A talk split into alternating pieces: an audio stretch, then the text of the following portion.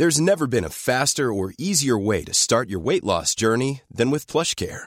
PlushCare accepts most insurance plans and gives you online access to board-certified physicians who can prescribe FDA-approved weight loss medications like Wigovi and Zepbound for those who qualify. Take charge of your health and speak with a board-certified physician about a weight loss plan that's right for you. Get started today at plushcare.com slash weight loss. That's plushcare.com slash weight loss. plushcare.com slash weight loss.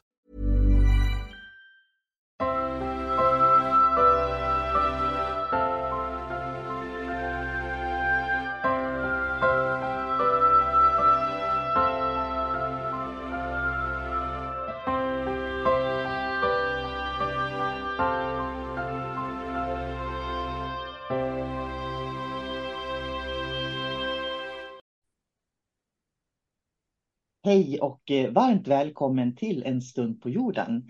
Idag sitter jag med Niklas Tillgren som jag hälsar varmt välkommen. Ja, hej. Tack så mycket Solkrina. Vilken, eh, vilken glädje att få lov att vara med i eh, den här podden. Det är jätteuppskattat verkligen. Jag är så glad att du är med, för du är en av de personerna som jag känner att vi behöver dela världen. Världen behöver få träffa dig och lära känna dig, känner jag. Eh, för jag tycker du har så mycket kvaliteter som människa på jorden. Ja, det var väldigt snällt. Eh, vilka fina ord, tack. Eh, jag tycker ju precis, det är väldigt ömsesidigt tycker jag då, men många vet ju vem du är så att säga, så att det är ju inte så. Men jag är, jag är absolut jättespänd på att fördela med mig lite av det som jag tycker är viktigt mm. i mitt liv här på jorden. Mm. Och ska du börja med att berätta vem du är och var du finns? Ja, men det kan vi göra. Jag, jag är en, en, en småbarnspappa på 54 år som bor i södra delen av Sverige i en stad som heter Helsingborg. Så att vi är ju nära vårt grannland Danmark här då. Så, så är det. Ehm, och har väl egentligen eh, genom livet eh, varit igenom rätt mycket både glädjen och eh, svåra situationer så att säga som jag har fått ta mig igenom. Eh, dels med hjälp men också med eh, egen kraft kan man väl säga då. Så att jag har väl, tycker jag själv, dratt på mig lite, eller dratt på mig är väl fel ord, men jag har väl skaffat mig lite livserfarenhet tycker jag då som, som jag har kunnat använda eh, då i, i, i, dels i mitt arbete och eh, också då i, i, i den familj jag har. Eh, jag jobbar eh, egentligen med försäljning kan man väl säga då, det är mitt huvudsakliga arbete, men jag har också ett eget företag där jag jobbar med eh, psykoterapi. Och då är det ju så att jag tar in lite klienter då på min fritid, kvällar, helger, när det nu finns tid till det. Och där fokuserar jag då på klientens liv och så försöker jag då att behandla om de har psykisk ohälsa eh, så försöker jag då att behandla det såklart. Eh, dels med hjälp av mina egna erfarenheter men också eh, för att jag är utbildad inom psykoterapi då. Så jag är det man kallar för en diplomerad samtalsterapeut. Och sen har jag även då en del andra diplom då, inom det här området. Men där hjälper jag egentligen mina klienter då att kunna förhålla sig till den situation som uppstått i livet Eh, och vilka utmaningar den situationen eh, innebär och vilka resurser som egentligen den individen och klienten kanske har men som inte de ser. Eh, och sen då utifrån det så försöker jag skapa lite medvetenhet om det går att försöka skapa det därför att det är just genom medvetenheten som man hittar kunskapen och förståelsen för de känslor, de tankar och de handlingar som, som den här klienten då Eh, kan behöva göra för att få ett bättre, ja, en bättre livskvalitet helt enkelt. En lite lång historia men det är lite där jag står kan man säga. Mm. Mm. Det låter lite som KBT, eh, att det låter åt KBT-hållet, kan det vara det? Att det finns Nej, ett... ja, det kan det väl kanske vara, för att KBT är ju mer eh, att man just, just försöker bara sätta in ett, ett annat tänkesätt. Mm. Eh, och det kan ju fungera till viss del kanske, men jag tror att man måste gå, ja, man måste bearbeta obearbetade känslor hos människor. Mm. För många tankar sätter igång såklart känslor och eh, tar du bara tankarna så har du egentligen inte behandlat de underliggande känslorna. Mm. Så därför så försöker jag med hjälp av deras tankar komma i kontakt med de obearbetade känslorna och sen bearbeta dem då. Mm. Eh, och gör du det då ändrar du egentligen den här metoden så att eh, klienten då såklart börja tänka annorlunda för att de har fått bearbetat sina obearbetade känslor. Får en klient inte bearbetat sina obearbetade känslor så blir det oftast så att eh, du, genom KBT kan du absolut behandla då tankarna men oftast kommer ju de här tankarna tillbaks igen mm. om inte de har fått behandlat det känslomässiga bakom de här tankarna. Så att inget ont om KBT, absolut inte. Eh, men, men eh, det är bara för att säga så, så försöker jag jobba, försöker gå ett steg till kan man väl säga. Jag tycker det var jättebra beskrivet skillnaden på KBT och mm, samtalsterapi då. För jag mm. tänker du använder begreppet existentiell psykoterapi ja. och det tycker jag är jättespännande för jag tror att mycket i livet handlar om det existentiella. Man, man, brukar ju säga att vi har ett fysiskt, vårt fysiska liv, alltså hur vi fysiskt mår är viktigt och hur vi mår känslomässigt. Och jag är helt med på det där, tror jag också, att kan vi hantera våra känslor, då kommer tankarna, rätt tanke automatiskt. Mm. Eh, och det har jag ju märkt också, för jag har jobbat med kroppsterapier i många år. Jag kan ju se att får man bara släppa det som sitter i kroppen, förändra känslan mm. och så att den, man ser annorlunda på en upplevelse så händer det, plötsligt så finns inte problemet helt enkelt. Nej. Det är som att det bara kan gå upp i, i rök helt ja. enkelt. Ja, men det är sant. Eh, och jag vill bara slå fast för de som lyssnar då att KBT såklart inte, jag är absolut inte emot KBT, det, det får inte låta så för det är jag inte. Utan eh, KBT är ju absolut framgångsrik eh, för många klienter, det tror jag definitivt på. Men jag tänker så här att om man har haft en väldigt traumatisk upplevelse, till exempel ett övergrepp eller något sådär i, i, sin, i, i sina unga år till exempel, som kanske är förträngt eller som ligger i det undermedvetna då, då behöver man ju gräva i det så att säga och eh, för att det ska bearbetas. Så, så att, eh, så att jag tror att det, man kan komplettera. KBT kan man ju använda väldigt mycket inom coaching till exempel, vilket jag också jobbar med. Så att det, det, det, så det är egentligen bara för våra lyssnare att fastslå så inte någon säger men är han helt ute och cyklar den här killen för KBT har ju funkat för mig och det tror jag definitivt. Ja och, och jag håller fullständigt med där och det, jag tänker så här också det kan vara ibland svårt för människor att veta vad ska jag välja, vad behöver ja. jag? Precis. Eh, eftersom du har coaching, du har psykoterapi, du har KBT, det finns så mycket olika att välja på också. Det gör det. Så. Och varje människa är unik. Varje människa har unika tankar, unika känslor. Och därför så behöver man ju då också behandlas, tycker jag då, på ett, ett sätt som är anpassat till den unika människan så att säga. Sen finns det olika metoder och olika sätt att gå dit. Sen gick jag ju då, för de som lyssnar och inte känner till det, så har jag ju gått uh, utbildning hos dig såklart, det vet ju du, men våra lyssnare vet ju inte det kanske. Uh, där jag då utbildar mig till det vi kallar för ja, eh, dimensionellt änglamedium kan man väl eh, använda det ordet eller eh, andlig, ja, coach, andlig coaching då. Eller esoterisk rådgivare brukar Precis, jag säga. så heter den. Ja. Esoterisk rådgivare. Och det, den är ju uppdelad i många olika steg och där tycker jag att jag fick otroligt mycket information omkring det som eh, jag inte visste eh, kan man säga då. Så att man kommer riktigt långt med psykoterapi men där fick jag liksom helheten just omkring den andliga biten hos människor. Ja, även mycket annat såklart. Så att, eh, men, men det var fantastisk utbildning så har, har de som lyssnar här, har ni funderat på det och gå den så tycker jag ni ska gå den faktiskt.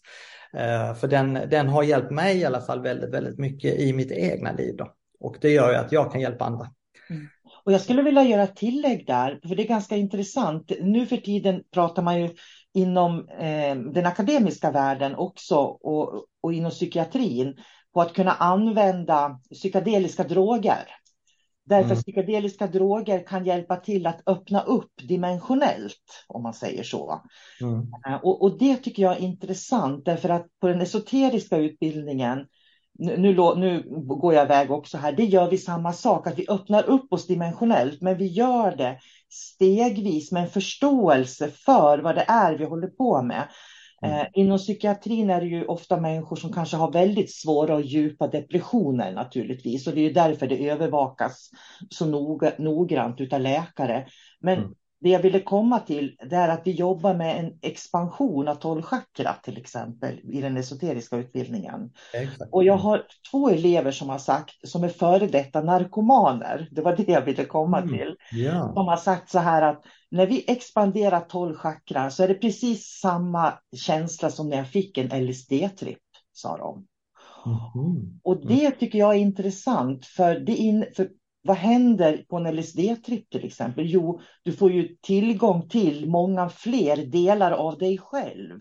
Mm. Men det kommer så väldigt fort så man kan inte sortera det. Liksom. Mm. Och, och, jag tycker det är intressant därför att jag tror att mycket forskning i framtiden kommer att handla om just det här, tror jag.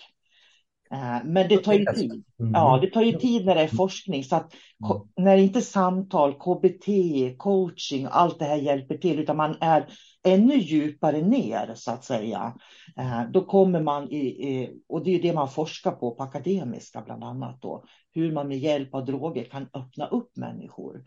Ehm, det var bara ett sidospår, men jag tycker... Ja, men det är intressant. Eh, det är det ju definitivt, för det är ju mycket så, eh, speciellt den här tolvchakra meditationen. Vi kommer komma tillbaka till den just här i den här podden här då, intervjun, för det är någonting jag kommer nämna längre fram här också. Men det, det är just mina egna upplevelser omkring den. Men det är ju väldigt eh, intressant att höra att man kan mm. likna det vid det. Eh, nu har jag själv aldrig tagit LSD så jag vet inte, men det är intressant jag att höra. För det är en väldigt speciell upplevelse man upplever ju när man gör den, just den typen av meditation. Eh, tyckte jag själv också första gången jag testade den. Då flög man liksom iväg på något sätt. Man kände liksom att man lyfte. Så att det kan ju säkert då och det, då tänker jag att det är ju det som dina klienter får ut när de går i psykoterapi hos dig också. Fast det är väldigt medvetet närvarande naturligtvis, men man öppnar upp, man expanderar. För det är så jag tänker när, när vi har trauman sitter så låser vi oss på något sätt. Mm. Men när vi får samtala om det, prata om det, bearbeta det, då löser det upp sig och vi frigörs och vi blir liksom friare i kropp mm. och själ. Mm. Då. Ja, men det är sant, absolut är det så. Uh, ja, intressant verkligen, uh, så är det ju. Uh, ja, nej vad kul. Så mm. det ska bli spännande. Att, det var ett riktigt sidospår Niklas. Ja, men det är ju intressant. Det är ju jätteintressant det här. Ja. Men jag tänker på eh, en del i den här podden är ju också att eh, jag skulle vilja prata om andlighet, vad andlighet är. Mm. För andlighet förr i tiden, det var ju oftast religioner, men andlighet har för mig aldrig varit en religion och jag tycker det är spännande så att därför alla som jag pratar med nu ska få berätta mer om sin andlighet och hur de ser på vad andlighet är för dem. Mm. Så då tänker jag så här, jag är jättenyfiken hur ditt andliga liv ser ut och vad andlighet är för dig. Ja, men det är väl intressant och spännande fråga och eh, jag eh, är väl benägen att hålla med där att andlighet för många människor, inklusive mig själv, har ju i, eh, i eh, speciellt i de yngre åren varit förknippad med religion eller en speciell kyrka. Så jag är också på den så. Men för mig har det väl utvecklats på ett annat sätt genom livet då och ehm, jag slog faktiskt upp innan den här podden då just för att titta vad betyder eller vad kommer det här ordet ifrån, andlighet. För det är ju alltid intressant att se vad, hur har vi fått det här ordet, var kommer det ifrån? Och det kommer tydligen från latinets ord spiritus. Mm. Det tycker jag var jätteintressant för då, då är vi inne på någonting som lever. Och mm. någonting som, som eh, eh, det betyder egentligen att andas eller att levande göra stod det. Och det tyckte jag var jätteintressant för att då är vi inne på det som du och jag tycker är intressant, det är ju andlighet. Eh, så eh, det tyckte jag var jätteintressant och det är ju egentligen det som det eh, kanske också har när jag tänkte efter, ja men det har ju så för mig också med andlighet. Det har med allt levande att göra. För min del är det så. Går jag ut i skogen som du lärde mig på naturkursen där på den esoteriska, för jag är ju ett asfaltbarn som jag kallade det från början. Det är många som är det. Ja, jag fick lära mig att, att verkligen gå ut i naturen och det har jag aldrig, alltså det, vilken upplevelse, men än idag när jag går ut i naturen idag Eh, och, och, du lärde oss hur man kan komma i kontakt med, med växter och, och blad och, och, och se och, och, liksom ja, bjuda in sig själv i den här skogen till exempel. Sen idag när jag är ute och går i skogen så känner jag en samhörighet med allt levande i skogen. Och det har jag aldrig känt i mina yngre år. Och det kan man väl säga har med andlighet att göra, att man känner att allting är liksom i ett flöde. Det tycker jag, det, det, det, det är det verkligen. Och sen Eh, när jag kommer i kontakt med andra eh, spännande människor som har en högre medvetenhet, det märker man ganska stor skillnad på tycker jag redan vid första mötet är det här en, en, en medveten person eller är det en, en, en, eh, kanske en omedveten person? Eller, inte för att döma, men mer att man känner att det är skillnad på det. Och då tänker jag att, att för mig handlar det egentligen om just högre medvetenhet, andlighet. Och att man till det då begrundar och reflekterar över det som sker i flödet så att säga. Eh, det kan vara i ditt liv men det kan också vara det som är runt om ditt liv, i din familj, dina vänner och så vidare. Allt som du känner är i ditt flöde så att säga. Som egentligen är en del av ett större flöde. nu ska det inte bli allt för luddigt här men, men så, så tycker jag det är. Va? Och sen handlar det också om att få saker och ting i ett perspektiv. Att, att eh, Eh, försöka känna efter vad är det för lärdomar jag känner i denna kärlek jag upplever just nu. Vad är det för lärdom som ligger i detta? Det kan ju vara allt möjligt. Det kan vara allt från en förälskelse som eh, blev till en hjärtesorg. Det kan vara till eh, dina barn som du älskar högre än annat. Eh, eh, det kan vara till en partner som, som du just nu lever med som du tycker har fantastiska egenskaper. Det, det, alltså kärleken har ju så enormt mycket olika facetter och hur vi upplever dessa olika facetter. Empati är också en form för kärlek till exempel.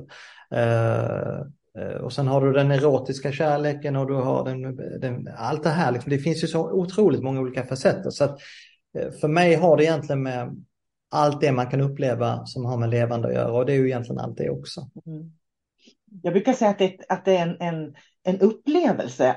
För mig är andlighet en upplevelse. Mm. För, och upplevelsen som jag kan knyta an till det du sa, det är ju det här att jag känner att jag är ett med allt. Mm. Möter jag en människa så kan jag liksom se likheterna mellan oss på något sätt. Precis. Eh, och känna det samhörigheten. Och det är ju där som jag upplever flöde också. Mm. Mm. Och jag tycker det är spännande just det här med ande. För ande, vi, har, vi översätter så mycket från engelskan. Och så översätter vi det så knasigt ibland på något vis. För att pratar man engelska och säger spirit, spirit är ju liksom everything, allting så.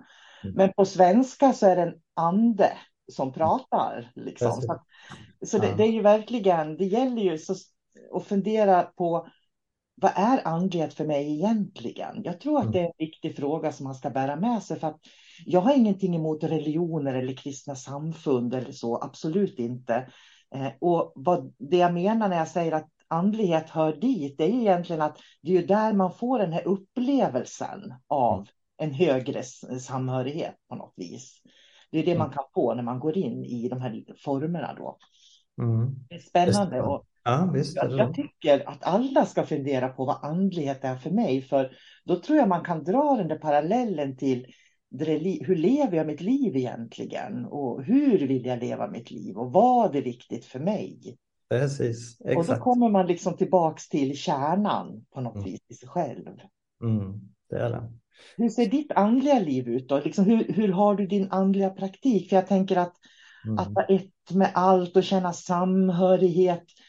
Och så är man på Facebook och det är tv och det är svinpest och det är det ena och det andra i världen. Du vet. Hur håller ja. du din andlighet levande i det här och, och en positiv attityd om man säger så? Ja, jag tyckte faktiskt det var jättebra att du nämnde det, för det är ju verkligen så här det är. Vi bombarderas med intryck dagligen och i det här moderna samhället vi lever i, som ju har varit ganska länge nu då, eh, så är det verkligen så. Du kastas från eh, mailkorgen till telefonsamtal, till Facebook, till Instagram-konton. Eh, alltså, och det är bara för, och det är ju egentligen bara väldigt liten del. Går du sen till de yngre så är det ju Snapchat och allt vad det heter som, jag hänger inte ens med på vad allting heter längre och jag känner mig som en sån här Eh, gammal människa som inte riktigt vet vad som händer längre när man pratar med yngre människor. Eh, ja men det, det är så här massa saker. Men det är egentligen bara så att vi bombarderas alla. Om vi är i vår ålder så att säga eller vi är yngre eller äldre så, så är vi ju under eh, intrycks, intryckets bombardemang kan man väl säga då. Så för, det, för att man måste kunna navigera, känner jag, tycker det är ett viktigt ord att navigera. Att, att använda en andlig navigation. Och för mig har det blivit att, eh, eh, och det som jag tycker har fungerat för mig, det är att jag varje dag tar små stunder till mig själv, eh, där jag då gör daglig meditation. Vi lärde oss ju i den esoteriska utbildningen just tolvchakra meditationen och jag minns så väl att du sa, för det skrev jag upp bland annat, att då sa du där till, alla, till oss då i den gruppen att ja, men om ni gör den här tolvchakra meditationen varje dag också efter att ni har slutat den här kursen så kan jag lova er att ni kommer att hålla kvar er andlighet. Mm.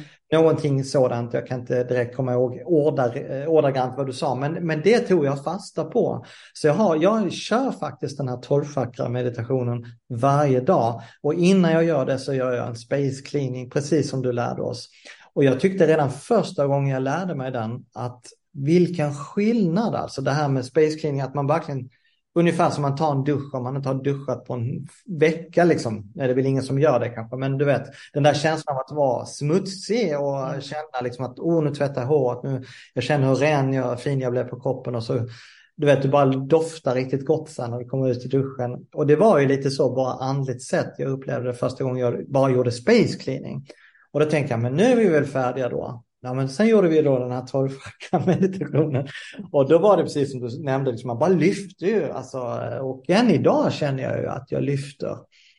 Eh, och så den, den har jag fortsatt att göra och speciellt på kvällen då när dagen är slut för då, eh, det tror jag du sa också i den kursen att det kan vara rätt så bra att göra det om man kan det innan man går i säng för att då är det precis som man tar en, en andlig dusch. Liksom. Man gör sig av med alla intrycken under dagen för det är väldigt mycket intryck. Eh, There's never been a faster or easier way to start your weight loss journey than with PlushCare. PlushCare accepts most insurance plans and gives you online access to board-certified physicians who can prescribe FDA-approved weight loss medications like Wigovi and Zepbound for those who qualify. Take charge of your health and speak with a board-certified physician about a weight loss plan that's right for you. Get started today at plushcare.com slash weight loss. That's plushcare.com slash weight loss plushcare.com slash weight loss. Cool fact a crocodile can't stick out its tongue. Also, you can get health insurance for a month or just under a year in some states. United Healthcare short term insurance plans, underwritten by Golden Rule Insurance Company, offer flexible, budget friendly coverage for you. Learn more at uh1.com. Uh, ska du sen ut och handla, ja men då är det alla de intrycken i, i köpcentret och var du nu än är, du kommer i kontakt med så mycket intryck. Eh, och då tycker jag det är jättebra att göra den på kvällen. Uh, utmaningen är ju att man oftast då strax efter man är klar, att man, eller ja det kan ju vara bra, man somnar väldigt lätt i alla fall eh, för att man är, man, man är, så, man är så ren liksom inom sig och, och trött. Alltså för man, man, det har varit tungt att bära de här intrycken. Så när de släpper så blir det så här, åh, liksom så här. Uh, för att själva den metoden handlar ju om att komma till centrum av sig själv. Det är ju det Precis. som händer. Och när du är i centrum av dig själv, då kan du på något vis se vad som pågår omkring dig. Och när du kan se vad som pågår omkring dig, då, då, då kan man också frigöra sig på något sätt från, från det man har varit med om som inte berör en. För jag tänker det som berör oss, det finns ju kvar. Det ligger ju kvar och skaver, så vi måste hantera det på något mm. sätt sätt i så fall. Ja. Men jag tyckte du, du använde ett bra ord, du sa navigera, för jag tänker, jag vet ju att du har barn i, i många olika åldrar. Mm. Hur tänker du att du kan hjälpa dem att navigera genom eh, livet? Precis som du säger, våra ungdomar utsätts ju för mycket mer. Vi kanske kan hantera det för att vi är van med ett, med ett annat samhälle också. Mm. Eh, men hur hjälper du dina barn att navigera i det här? Har du tänkt, funderat kring Ja, och där, mitt första, min första känsla eller tanke som kommer till mig egentligen, det är ett annat ord som börjar på N och det är närvaro. Mm. Så det är mm. kanske lätt att komma ihåg det då. Navigation kräver närvaro. Du kan inte navigera om inte du är närvarande. Mm. Eh, och det är ju egentligen det att är du, sätter du på en film till barnen för att du ska själv köpa dig tio minuters eh, lugn och ro, då är du inte närvarande. Eh, utan då har du egentligen eh, köpt dig själv tio minuter där du kanske vara tvungen till det såklart, men, eh, men om du gör det alltid, då kommer du att förlora dina närvaro med dina, dina barn och därmed kommer du inte heller kunna lära dem att navigera. Så jag tror att och sen att man anpassar det såklart beroende på vilket, vilken ålder det här barnet är. Men inte bara ålder utan också utvecklingsmässigt. Vad, vad är mitt barn på tre år? Är det en treåring eller det kanske är en som är på nivå med en femåring när det gäller intellektet eller vad det nu kan vara. Så att man anpassar eh, närvaron till, eh, till uh, utvecklingen eh, hos barnet. Då. För jag har ju ett stort eh, vuxet barn och sen har jag två små barn. Eh, och, och, alla är ju väldigt olika, unika individer som alla barn är.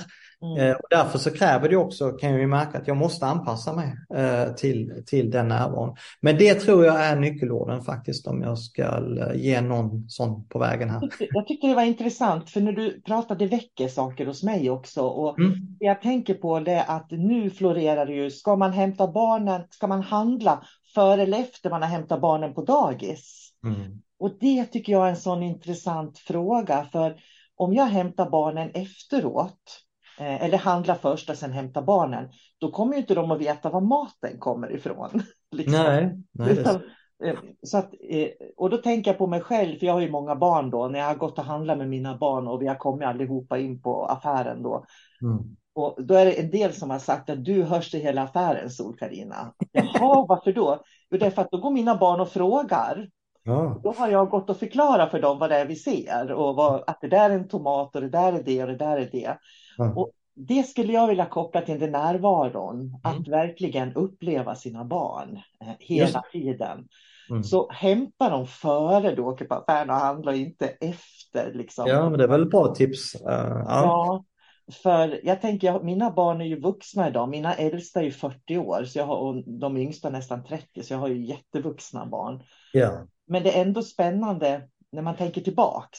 Ja, precis. Därför att det är så här, det är underbart när man har barnen små hemma. När mm. de är vuxna, ja, då är de vuxna, utflygna, de är självständiga individer. Mm. Så ta vara på tiden med barnen. För mm. rätt vad det är, de vuxna. Precis. Och när de är vuxna, då, har man, då liksom finns man inte på samma nivå hos dem. Så den här närvaron som du pratar om, den är så viktig på något vis. Och jag menar, du har ju också barn i olika åldrar, så du kan ju också jämföra där hur mm. stort behov den äldre har mot de yngre. Liksom. Mm. Ja, och hur dessa behov eh, skiftar såklart och mm. situationer som uppstår och så vidare. Men jag tänker också att, att, eh, att jag tror också att exemplets makt har man ju alltid pratat om. Nu tycker jag inte om ordet makt, men det, just i det sammanhanget så betyder det ju något positivt. Att man själv föregår med ett gott exempel. Och att man verkligen lever som man typ lär då, eller hur man ska säga. Så att eh, mina barn eh, är ju väl medvetna om att eh, jaha, nu sitter pappa och mediterar eller så pratar jag och min fru helt öppet om kanske änglar eller Gud eller det kan komma en fråga om Jesus eh, sådär. Och, eller de har sett någon, eh, kanske en ikon, vad det, vem är det? Ja men det är Maria, hon var mamma till Jesus. Alltså det, det här naturliga då, nu var det bara exempel, det kan vara vad som helst. Men, men de är ju så öppna barn och de har absolut inga begränsningar när det gäller, gäller den andliga biten och den ska man ta vara på om man är en andlig människa för att då kan man få enormt mycket vad heter det, synergi, eh, kärlek i allt det här tänker jag då för att då, då, då tänker de att ja, men det här är inget fel, man kan prata om om andliga saker och att, att andligheten är öppen i hemmet. Det tror jag är viktigt då om du frågar mig i alla fall. Men, men sen vet jag ju då att, att eh, det kanske inte är så för allt och alla. Men det är, ju, det, är ju, det är ju någonting man själv kan bestämma som förälder om man vill ha det där öppet eller inte. Då vi har bestämt oss för att vara öppna omkring det. Så att vi pratar öppet om änglar och, och saker som de har funderingar på. De tycker alla det är konstigt. Det är lika naturligt att fråga om det som om de vill ha en glass. Alltså det, det gillar jag när det är det här öppna. Jag tror att det du säger är jätteviktigt. Och jag ska ge ett exempel på varför jag tror det. För att jag tänker på eh, dagens samhälle, det var så mycket eh, psykisk ohälsa till exempel. Mm. Jag tror att det är väldigt viktigt att barnen får vara med. Jag kommer ihåg när mina yngsta barn kom hem, de gick i trean. Och så kom de hem och så sa de, mamma, det är ingen som vet vad reiki är i skolan, säger de sådär. Och, och det var så intressant, för reiki hade varit en så stor del av deras liv tills de var nio år då och gick i trean. Ingen visste vad det var. då börjar de anpassa sig efter de andra i klassen. Det, Mm. det var liksom ganska tidigt. Och då tänker jag på tonårstiden överlag när man ska anpassa sig lite grann. För då är man ju lite halvvuxen sådär. Så ska man anpassa sig till människor.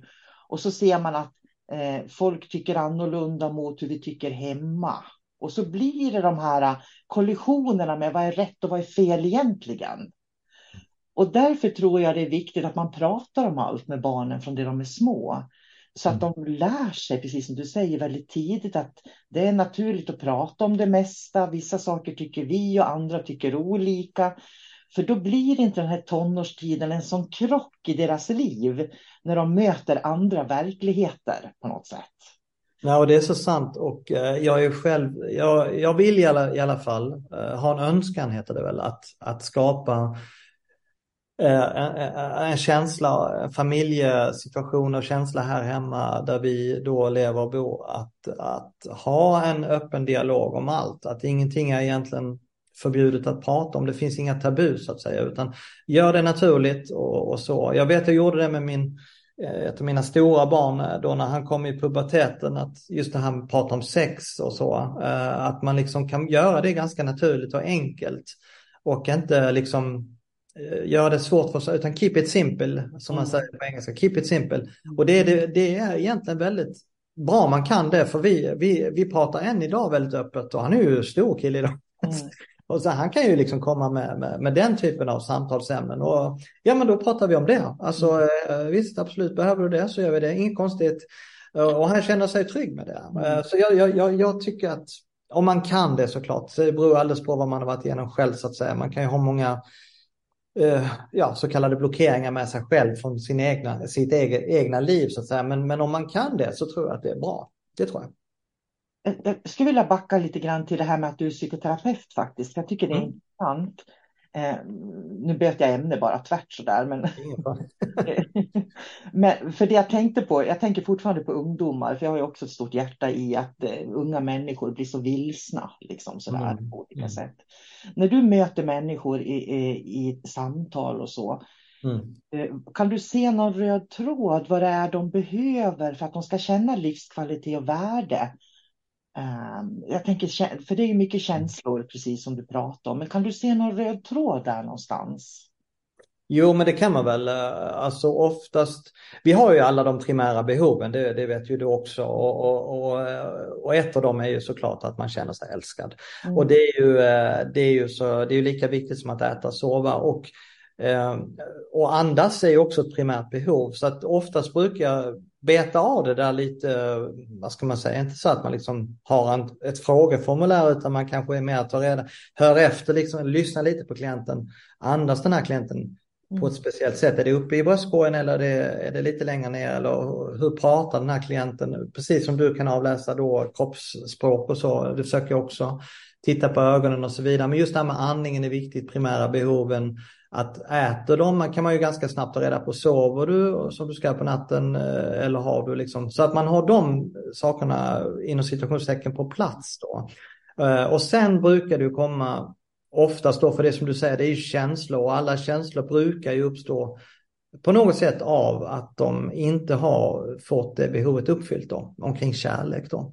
Eh, så att då kan ju det vara så att om de till exempel säger att jag äter lite dåligt just nu därför att, eh, och så vill de kanske inte berätta mer för de kanske inte riktigt känner att, att de har så stor tillit just där så att de vill öppna upp den dörren. Då får man ju vara väldigt duktig på att ställa fler frågor och försöka utan att de känner sig pressade så naturligtvis och eh, försöka då hitta den röda tråden men oftast är det någonting med kärlek, oftast är det så. Um, ska jag inte utge, utlämna något, men jag hade någon klient som, som, som var väldigt stressad. Jag upplevde också det, andningen var stressad och det var mycket på jobb och det ena och det andra klassiskt för oss alla liksom. Men någonstans hade jag en känsla på att det är något annat som trycker här och det var det också. Och nu kan jag inte gå in på detaljer, men det var egentligen att det var en situation som hade utlöst det på jobbet, som hade utlöst en obearbetad känsla av kärlek eh, som då hade enorma eh, konsekvenser, rent förödande konsekvenser för den här klienten. Eh, och, och, och senare så, så blev det också då att, att det öppnades upp för just samtal omkring det. Men just då var ju inte den klienten medveten om det. Eh, eller så var hon eller han eh, medveten men ändå omedveten om att det kanske var just det. Så oftast är det ju många, eh, många saker som gör att man, att man då upplever en viss sak, en viss smärta då. Men jag tycker den röda tråden är oftast, har oftast med kärlek att göra. Um, så det är ju klart ett viktigt behov. Ja. ja, jag tror du satte fingret på det också, just det behov. Mm. För, för, jag kan också se att kärlek är någonting återkommande, att man, att man inte upplever att man har fått de här grundbehoven tillgodosedda på något mm. Mm. Eh, och det är ju så att är man vuxen så behöver man ju titta på sitt eget liv då. Vad kan jag göra för att få de här grundbehoven som jag behöver tillgodosedda? i mitt mm. liv. För jag kan ju inte förvänta mig det från andra heller. Mm. mm. Jag brukar säga att jag, jag kan ibland träffa 50-åriga 50-åringar som fortfarande är förbannade på sin mamma för att hon aldrig har visat dem kärlek.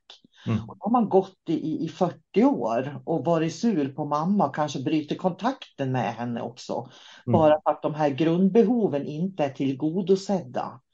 Mm. Eh, istället för att acceptera då och det är ju precis som du säger känslor som sitter kvar och som triggas i alla möjliga situationer. Mm. Skulle jag kunna tänka mig i livet som på arbetsplatser, i relationer, i vänskapsrelationer och lite mm. överallt. Och det är det som är, eh, vad ska man säga, det tycker jag väl också är en röd tråd att oftast så kommer då eh, mina klienter och så är det en situation som uppstått eh, och då har de kanske pratat med sina vänner om den här situationen då och då säger någon, ja men det var väl inte så farligt sådär va, som man kan säga.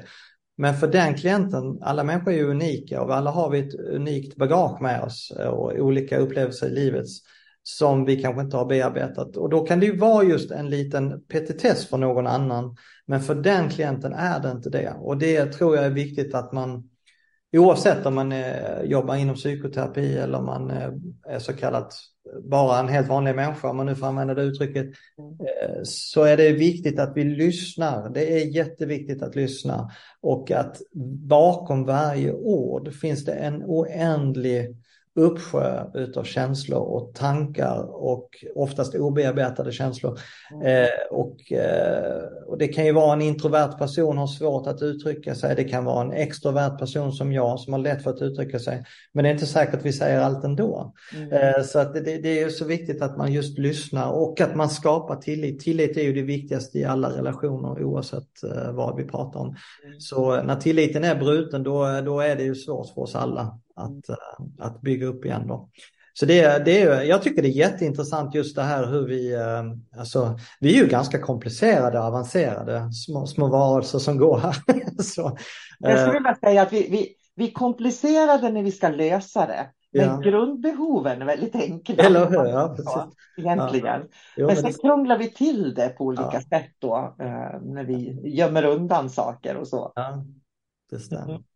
Men eh, sen tycker jag också att, att, ehm, att, ehm, ja man kan ju prata länge om det, men jag tycker det är, alltså det är den här känslan när man känner att man faktiskt har kunnat göra skillnad för en människa genom att bara lyssna eller kanske bara säga någonting eller göra någonting för den människan. Mm. Oavsett vad det är.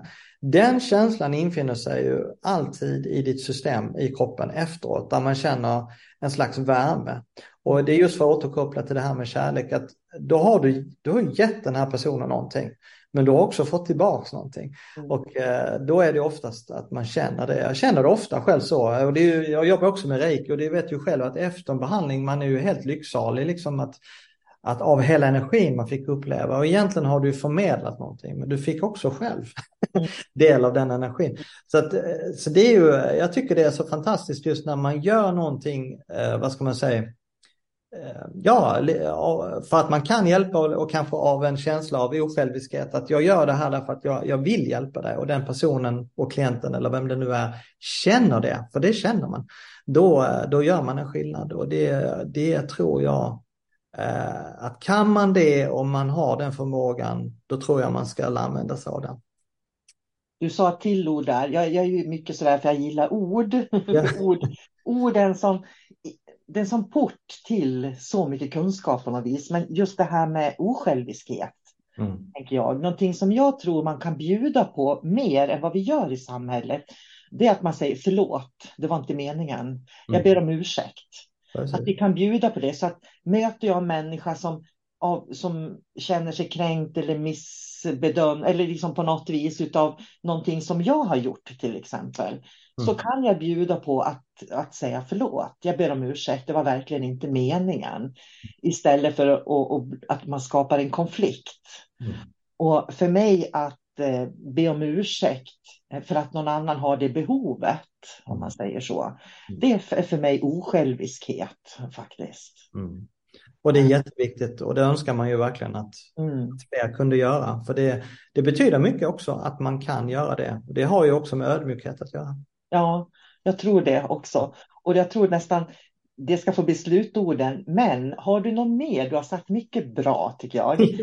Som man kan ta med och fundera på. Men ja, men jag tänker i, i vårt liv då så som det oftast är för ja, långt de flesta. Nu ska man inte dra alla man kan, men vi har väldigt många måsten här i livet. Jag måste det, jag måste det. Man hör igen ord, men man hör ju faktiskt folk använda just det ordet. Jag måste göra det, jag måste, jag måste, jag måste. Och, eh, och det är klart att vissa grejer måste vi göra. Så är det, vi måste äta, vi, vi, så är det ju. Vi måste dricka och så vidare, måste sova. Men det finns många negativa måsten. Det andra är positiva måsten. Men det finns ju negativa måsten i livet. Och det tror jag man, om man kan eh, och har modet, för det krävs mod, eh, det är att man släpper människor eller situationer där man känner just det här negativa måste-upplevelsen, om du förstår hur jag menar. Och det, man kan säga att det, det som inte bygger upp dig, utan du känner att det river ner dig, om det är människor eller situationer, vad det än är, om du känner att det river ner dig och det inte bygger upp dig, Mm. då måste du släppa det om Ja. du ska kunna få ett bättre liv. Och, och gör man det och känner efter på djupet, vem är jag egentligen och vad är viktigast för mig? Vad betyder mest för mig? Vad är, vad är liksom det bestående värdet i livet för mig? För det är ju unikt för mig. Det är bara jag som vet det. Ja, då är det ju så att då, då, då är det ju kärnfrågan tycker jag. Vad är det som är värdefullast för dig? Och oftast är det ju inte saker vi kan ta på. Mm. Eh, En ny bil eller ett nytt hus eller vad det nu kan vara. Det är ju inte det som ger de bestående värdena i livet, utan det är ju faktiskt allt det vi inte kan se. Mm. Det tycker jag är så intressant, för det har ju också med andlighet att göra. Att tro på någonting man inte kan se. Mm. Och det ska få bli slutorden. Tack så hemskt mycket Niklas för Själv, tack själv. Eh, och tack till dig som lyssnar säger jag. Ja, tack. Jag hoppas att, eh, att, ni, att, att det inte blev för luddigt här, men jag, jag hoppas att jag var någorlunda klar i alla fall. Jag tror att vi har haft ett bra samtal som kan få många att göra reflektioner. För det är det jag tycker är Poddar tycker jag ska ge mer reflektioner så man expanderar det här medvetandet och, och Mm. kanske börja tänka, ja men så kan det vara, eller jag kanske kan göra så här. Det är ju Mm. det som tar livet framåt och gör att vi på något vis känner den här äh, känslan av att vi hör ihop med allt det som vi pratade om i början också. Ja. Så att det, det är ju det som är själva syftet på något vis. Ja. med De här samtalen, tänker jag. Tack så hemskt mycket för att jag fick vara med. Uh, jättetrevligt. Tack Mm. snälla Solkarina. Tack själv, ha det gott. ja, detsamma. Mm, hej då. Hej hej.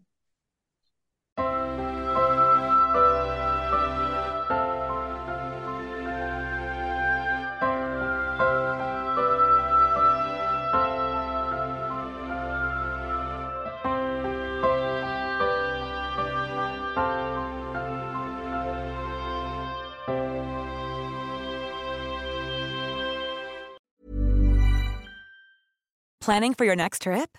Elevate your travel style with Quince. Quince has all the jet setting essentials you'll want for your next getaway, like European linen, premium luggage options, buttery soft Italian leather bags, and so much more. And is all priced at 50 to 80% less than similar brands. Plus, Quince only works with factories that use safe and ethical manufacturing practices. Pack your bags with high-quality essentials you'll be wearing for vacations to come with Quince. Go to quince.com slash pack for free shipping and 365-day returns.